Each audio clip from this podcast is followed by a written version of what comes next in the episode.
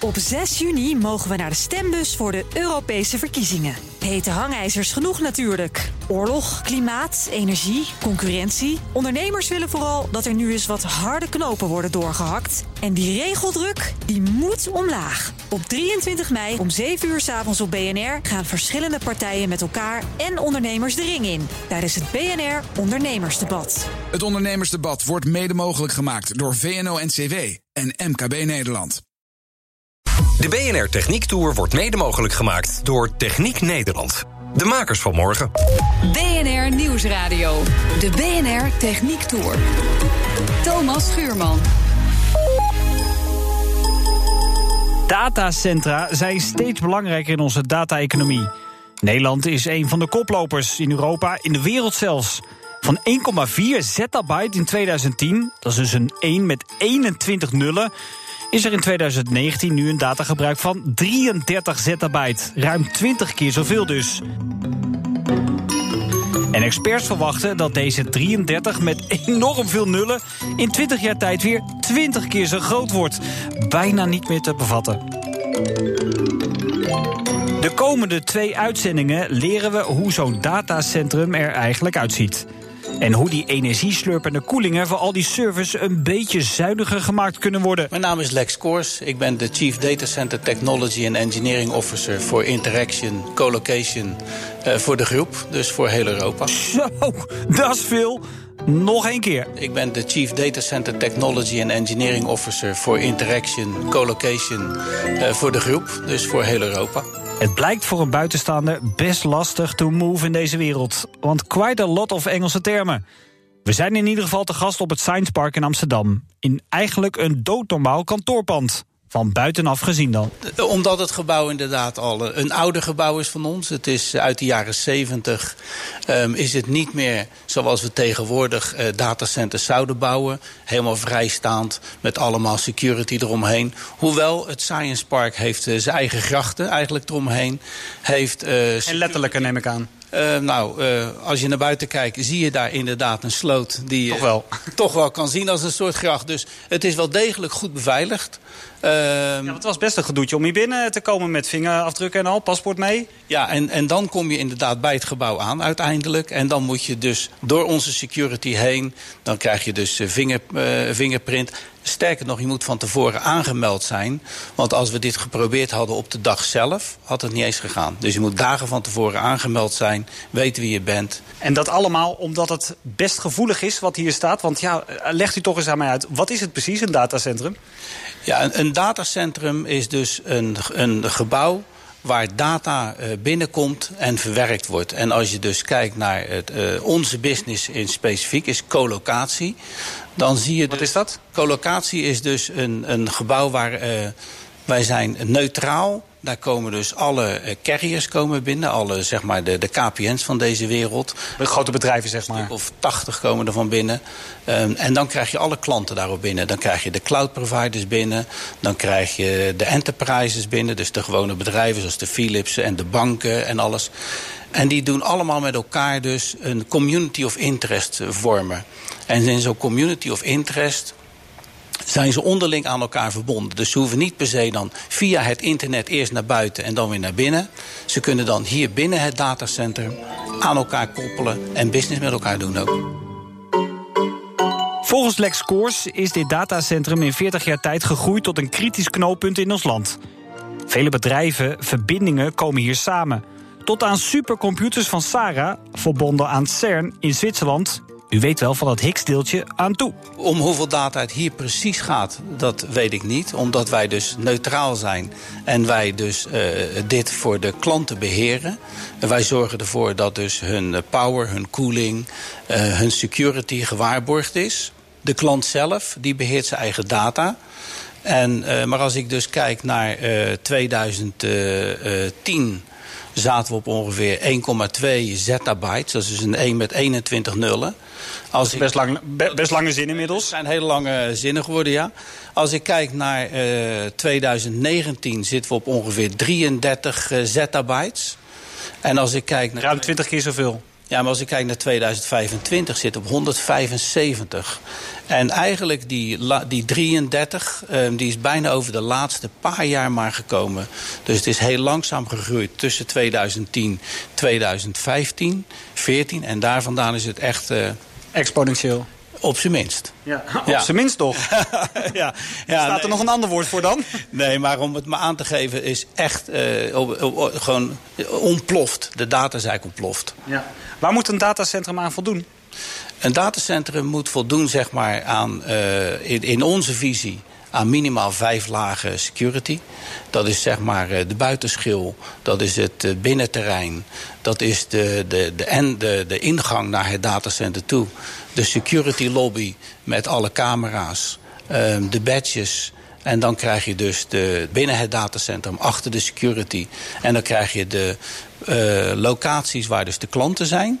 En dan krijg je nog eens een keer ook de locaties waar de alle infrastructuur staat om het datacenter te kunnen laten draaien. Ja, dus je komt er niet zomaar in, om maar gezegd te hebben. je komt er niet zomaar in. En waar moet een gebouw nog meer aan voldoen, behalve de veiligheid? Brand. Dus we hebben natuurlijk een... Uh, een Ik zie er wel wat sprinklers staan. Ja, uh. ja, we hebben natuurlijk een, een meldsysteem... waar dus rook en brand gemeld wordt. We hebben daarbij ook nog ver, very early detectie. Waarbij je dus op, op, microniveau, zeg maar, particles van rook kan melden met laser. die geven een eerste warning. U bent er al heel snel bij dus? Je, je moet, no, althans, dat hoopt u. Ja, ja, ja, je moet dus al uh, van tevoren wil je eigenlijk weten... als je een early warning krijgt... wil je dus eigenlijk al even gaan kijken... wat, wat is er aan de hand. En u ziet die door middel van laserstralen? Ja, die, die, dat zijn optische... ja, dat klopt. Ja. Maar we hebben het dus over veiligheid, we hebben het over brandveiligheid. Wat is nog meer van belang in zo'n datacentrum? Uh, dat het dus nooit uitvalt. Het datacentrum moet eigenlijk altijd draaien. Dus je hebt een, een, aansluiting vanaf buiten, vanaf de, de, de, ja, de grid, de nuance van deze wereld en de essence. Maar die vallen wel eens uit. En dat op, kan hier niet. Uh, het, het, ligt het land plat? Ja, nou ja, eigenlijk wel. Als je ziet dus wat, uh, hoe belangrijk het is... dan zie je dus inderdaad dat dat wel een flinke impact zou hebben. Nou, daarvoor hebben we dan hulpsystemen... Uh, UPS'en genaamd, dat zijn de Uninterrupted Power Supplies. Er zitten batterijsystemen, die kunnen dus voor 10 minuten uh, het vermogen overnemen van het hele datacenter. Dat is de eerste backup. Dat is de eerste backup. En in diezelfde tijd starten dus de dieselmotoren. Die nemen dan alles weer over daar vandaan. En dat kan je dan dus minimaal 24 uur doen op één brandstoftank. Maar je hebt dan weer zeg maar uh, call-out contracten. Waarbij je dus uh, binnen 5, 6 uur komen de, de dieseltrucks aanrijden voor uh, review. Om aan te geven dat dit absoluut niet uh, stil mag vallen. Mag absoluut niet stilvallen, nee, nee. Kunt u dat toch eens even aangeven? Stel dat dat wel gebeurt. Het is nog niet gebeurd, hè, voor de duidelijkheid. Nee, is nog niet in die 40 jaar tijd. Is nog niet gebeurd in die 40 jaar tijd, dat klopt. Ja. Afkloppen dus maar ook. Ik weet niet of dat hier echt kan. Maar stel dat het gebeurt, wat dan? Om nou, aan te ja. geven hoe belangrijk dit is. Ja. Nou ja, dan, dan heb je dus één. Je hebt dus dat de klanten hun business verliezen op dat moment. En als hun uh, business verliezen, dat is één. Maar om dan weer terug uh, in de business te komen, is niet zomaar één. De stroom is terug. En dan uh, zijn ze weer up and running. Nee, dan, dan gaan er allemaal processen draaien voor de klanten. Daar zijn ze echt uren en uren mee bezig. We staan trouwens voor zo'n deur. Zullen we even naar binnen gaan? Toch ja. even te kijken? Kijk, want ja, het maakt natuurlijk ook een soort van uh, herrie. Een plakmat uh, bij de entree, Wa waarom is dat? Is uh, om het stof van de schoen af te halen. Stof is niet goed voor microelektronica. Nou, we staan dan in een ruimte. niet te missen wat betreft het geluid, hè? Ja. Wat zie ik hier precies? Nou, je ziet hier dus racks van, van klanten. En in die racks zie je dus IT-equipment dat lekker staat te spinnen. Als ik trouwens in de kast kijk, dan zie ik toch ook wat lege kasten. Ja, dit is een uh, nieuwe ruimte zoals je ziet. We hebben dit datacentrum uh, pas een upgrade gegeven. We hebben wat ruimte bijgebouwd. En uh, hier is dus nog mogelijkheid tot groei. Ja. Wat is hier anders aan dan bijvoorbeeld andere ruimtes hier? niets. Alle datacenterruimtes zien er hetzelfde uit. Je hebt dus te maken met een verhoogde vloer. En onder de verhoogde vloer heb je koele lucht Die komt vanuit de, de cool units, de, dat heet de crack units, computer room air conditioners, die aan de wand staan. Die blazen de koude lucht onder de vloer. Die komen voor de racks komen ze eruit. Om af te koelen? Om af te koelen. En dan uh, wordt het weer de warme lucht weer teruggezogen in diezelfde unit. En dan gaat het weer onder de vloer. Die staan Oh, dat zijn deze kasten? Ja, dat zijn deze grote units. Je ziet daarboven ook dus luchtbevochtiging. Ja, er wat damp uit. Ja, dus uh, dat is uh, luchtbevochtiging. Dat is ook belangrijk. Uh, je hebt een relatieve vochtigheid nodig. Tussen 28 en ongeveer 68, 70. Uh, je moet een temperatuur moet je zien te handhaven tussen 18 en 27 graden Celsius. Nou, het is hier dik 20 graden zou ik zeggen. Ja, en hoe warmer hoe beter. Want als, het, uh, als je de temperaturen wat hoger mag krijgen... dan kan je dus ook beter gebruik maken van uh, vrije lucht om het datacenter te koelen. Hoe warm worden die kasten? Uh, de temperatuur die eruit komt heeft ongeveer 10 graden hoger dan dat we erin blazen. Dus als 25 erin gaat, komt het 35 Celsius eruit. Want hoe warm worden die servers, zeg maar? Uh, die servers die, uh, uh, lopen makkelijk tegen de 50 graden van binnen op.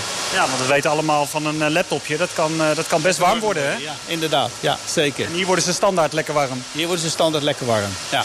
Daar is nog een extra gesloten deur binnen deze ruimte. Waarom ja. is dat? Ja, dat is waar dus zeg maar alle glasfiber van buiten naar binnen komt. En dat is weer extra afgescheiden, weer extra security, waar alleen wij toegang hebben. Daar vandaan zorgen wij dat Dan de kom ik met mijn bezoekerspasje niet binnen. Nee, daar gaat, nee. En daar vandaan uh, zorgen wij dus dat we met kabels weer naar de klanten gaan. En dat het allemaal uh, goed dat werkt. Dat u het ook min of meer in eigen beheer wil houden, zoveel mogelijk. Absoluut. Alles dus voor de veiligheid in die datacentra's. Voor alles een backup of zelfs een dubbele backup. Ik word een alarm. Nee, we staan Martien te wachten. Ja, Martien zegt ik heb een brandalarm. Hoor je? BNR Nieuwsradio. De BNR Techniek Tour. Datacentra's ontwikkelen zich razendsnel, hoorden we in het eerste deel. Ze zijn steeds belangrijker in onze digitale economie.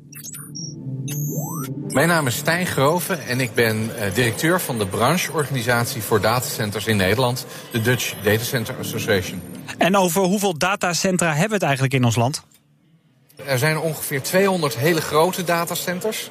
Uh, wij vertegenwoordigen als DDA ongeveer 90% van uh, de datacenters in Nederland. Schieten die als paddenstoelen uit de grond?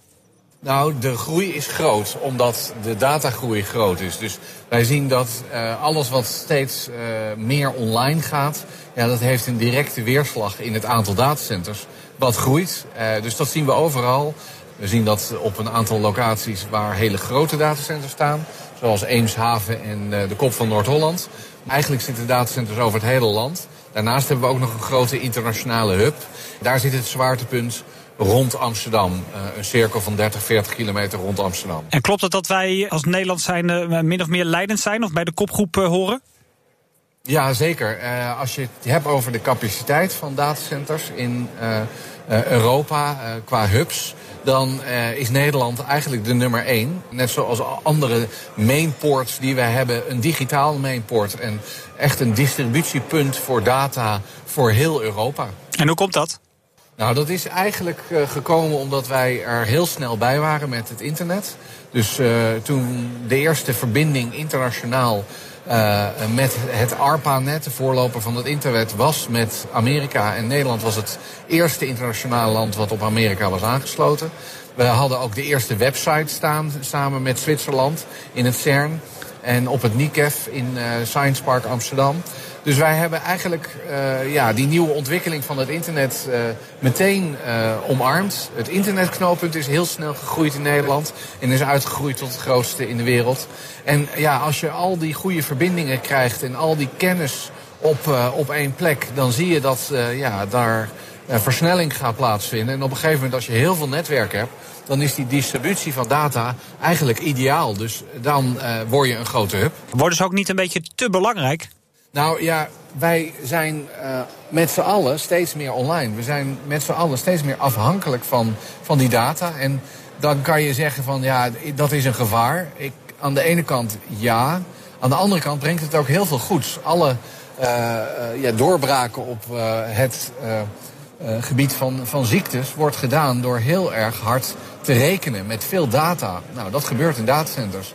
Alle eh, transport die steeds efficiënter wordt, Uber, alle online diensten eh, op dat vlak komen uit datacenters. Alle online shopping waar iedereen nu inmiddels aan verslaafd is en de Netflix. Ja, dat komt uit datacenters. We gaan terug naar Interaction in Amsterdam. Ik word een alarm. Nee, we staan Martien te wachten. Ja, Martien zegt ik heb een brandalarm. Hoor je? Dus is even een... eh, in de verte hoor ik wat, ja. Maar we gaan hier niet eh, naar binnen dan. Ik kan hier niet in. Nee, niet. Nee, Er is al een alarm afgegaan in de technische ja, ruimte. Ja, dus waarschijnlijk gewoon een... eh, een, eh, een, eh, of, want ze zijn met UPS'en bezig. Ja, Dus, dus, testen wordt, wordt getest. Dus dan Dus- testen ze ook de alarmen. Dus waarschijnlijk... Ik zie nog niet het zweet op je voorhoofd staan, als ik heel eerlijk ben. Nee, nee, nee, dat zie je niet. Nee, wij hebben de, bij ons elke, sowieso elke maand wordt er, van al, wordt er van alles getest. Ja. Dus ja, wij zijn het op zich wel gewend. Maar dat betekent wel dat Martin, Martin volgens de procedure Ja. nu eh, hier niet heen kan komen. Ja. Uw technisch medewerker, zeg maar. Klopt. Ja. Ja. Want het is best bijzonder hè, dat hier eh, iemand binnenkomt eigenlijk. Ik begreep dat dat nog niet zo 1, 2, 3 eh, snel gebeurt. Nee. Nee, dat klopt. Nee, normaal gesproken is het alleen maar eh, bedrijven en mensen die dus te maken hebben met dit datacenter. Maar eh, ja, deze opportunity met, met jou wilden we niet missen, met BNR Radio. Oké, we gaan even toch de technische ruimte in. Want ja, mocht, mocht dat hier nou stilvallen... eh, dan wil je natuurlijk dat de boel eh, draaiende blijft. Ja. Zo, goeiedag zeg. Ja. Wat zijn die groene dingen? Ja, waar je hier naar kijkt, dat zijn dus de, de Inergen eh, eh, gasflessen. En die zorgen er dus voor dat als er zeg maar een, een, een brand zou uitbreken, eigenlijk een beginnende brand, dan vullen wij de ruimte met, met dit gas. Daar kan je gewoon in staan. Het ruikt naar citroentjes. Ehm, Er zijn behoorlijk wat eh, van die tanks. ja, het zijn er heel wat. Ja, ja, ja, ja. En daar heb je er ook heel veel van nodig. Dat is ook een flinke investering. Maar ja, het, het weegt zeker op tegenover het probleem eh, dat zou ontstaan als je dus echt een, een uitslaande brand zou kunnen krijgen. Want wat kunt u zeggen over uw klanten? Wie, wie, wie zijn hier? Ja, dat is natuurlijk eh, altijd een, eh, een, een verhaal waar we nooit over praten. Dank Lex Koors van Datacenter Interaction in Amsterdam. Eh, bij ons is ook Paul Ike. U bent van Unica Data Centers. Wat is het verschil met Interaction van eh, LexCourse? Um, eigenlijk een, een hele simpele. Um, Lex geeft mij de opdracht om wat je vandaag allemaal hebt gezien, om dat te gaan bouwen. Uh, dus het bouwen, het ontwerpen, bouwen en beheren en onderhouden van datacenters. Ja. En we hebben gehoord van, nou, die data dat is natuurlijk, uh, dat gaat sky high, dat gaat supersnel. Uh, meer dan exponentieel hebben we zelfs gehoord. Om het maar even aan te geven, hè, we hebben hier een, een, een mooi kaartje voor ons. This is what happens in the Internet Minute. Wat zien we hier precies? Nou, hier zie je eigenlijk hoe, hoe hard Lex groeit. En hoe hard de datacenterwereld ze moet bijhouden omdat ze een enorme groei hebben. En ik kan dus zien hier aan dit plaatje uh, dat er 1 miljoen views zijn per 60 seconden. Dat er uh, 390.000 apps gedownload zijn. Maar dat betekent dat de klant, in dit geval Interaction, maar ook andere klanten, gewoon enorm hard groeien. En als je dit dus weet, dan kan je als bouwer, als, als, als contractor zoals we dat dan noemen, het is allemaal Engels, uh, kunnen we anticiperen op de groei die op dit moment in de markt is. Er is een enorme groei in de markt. En hoe ga ik me daar nou in uh, positioneren eigenlijk? Heel simpel. Wat het lastig maakt, lijkt mij toch, is omdat het zo snel gaat, uh, wordt er misschien morgen weer wat anders van u gevraagd. Nou ja, dat is exact het probleem. Uh, wij moeten uh, zo snel reageren op de vraag van de klant, in dit geval ook van, uh, van Interaction. Is dat de tijd van met elkaar gaan zitten en het echt bouwen, ja, dat zijn soms maar weken die daartussen zitten. Waarom? De klantvraag is zo hoog. En dan kom je weer terug op die minute, uh, die 60, 60 seconds minute. Ja, ik zie bijvoorbeeld op die, op die schijf zien we Tinder. Maar we zien natuurlijk ook Google en Netflix, Facebook. Het zit er allemaal op. Ja, dus die willen zo snel mogelijk uh, hun IT naar buiten toe brengen. Dus hun racks willen plaatsen in een datacenter. En heeft natuurlijk met zijn uh, business daar een, uh, een vraag voor gekregen, op geantwoord.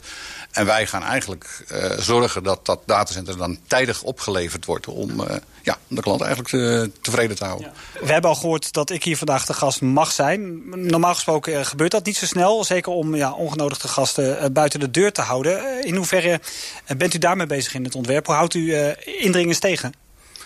Nou ja, wat wij doen is uh, vanuit de projectmethodiek die wij hanteren... hebben wij daar uh, ook een security-omgeving bij. Maar die stemmen we altijd af met de klant. Wij hebben onze security-protocol en die stellen we op... Uh, die, die, die, brengen we in sync met elkaar. We synchroniseren het met elkaar en zorgen ervoor dat niemand ongeautoriseerd op de, op de bouwplaats kan komen. En wat kost een beetje een datacentrum?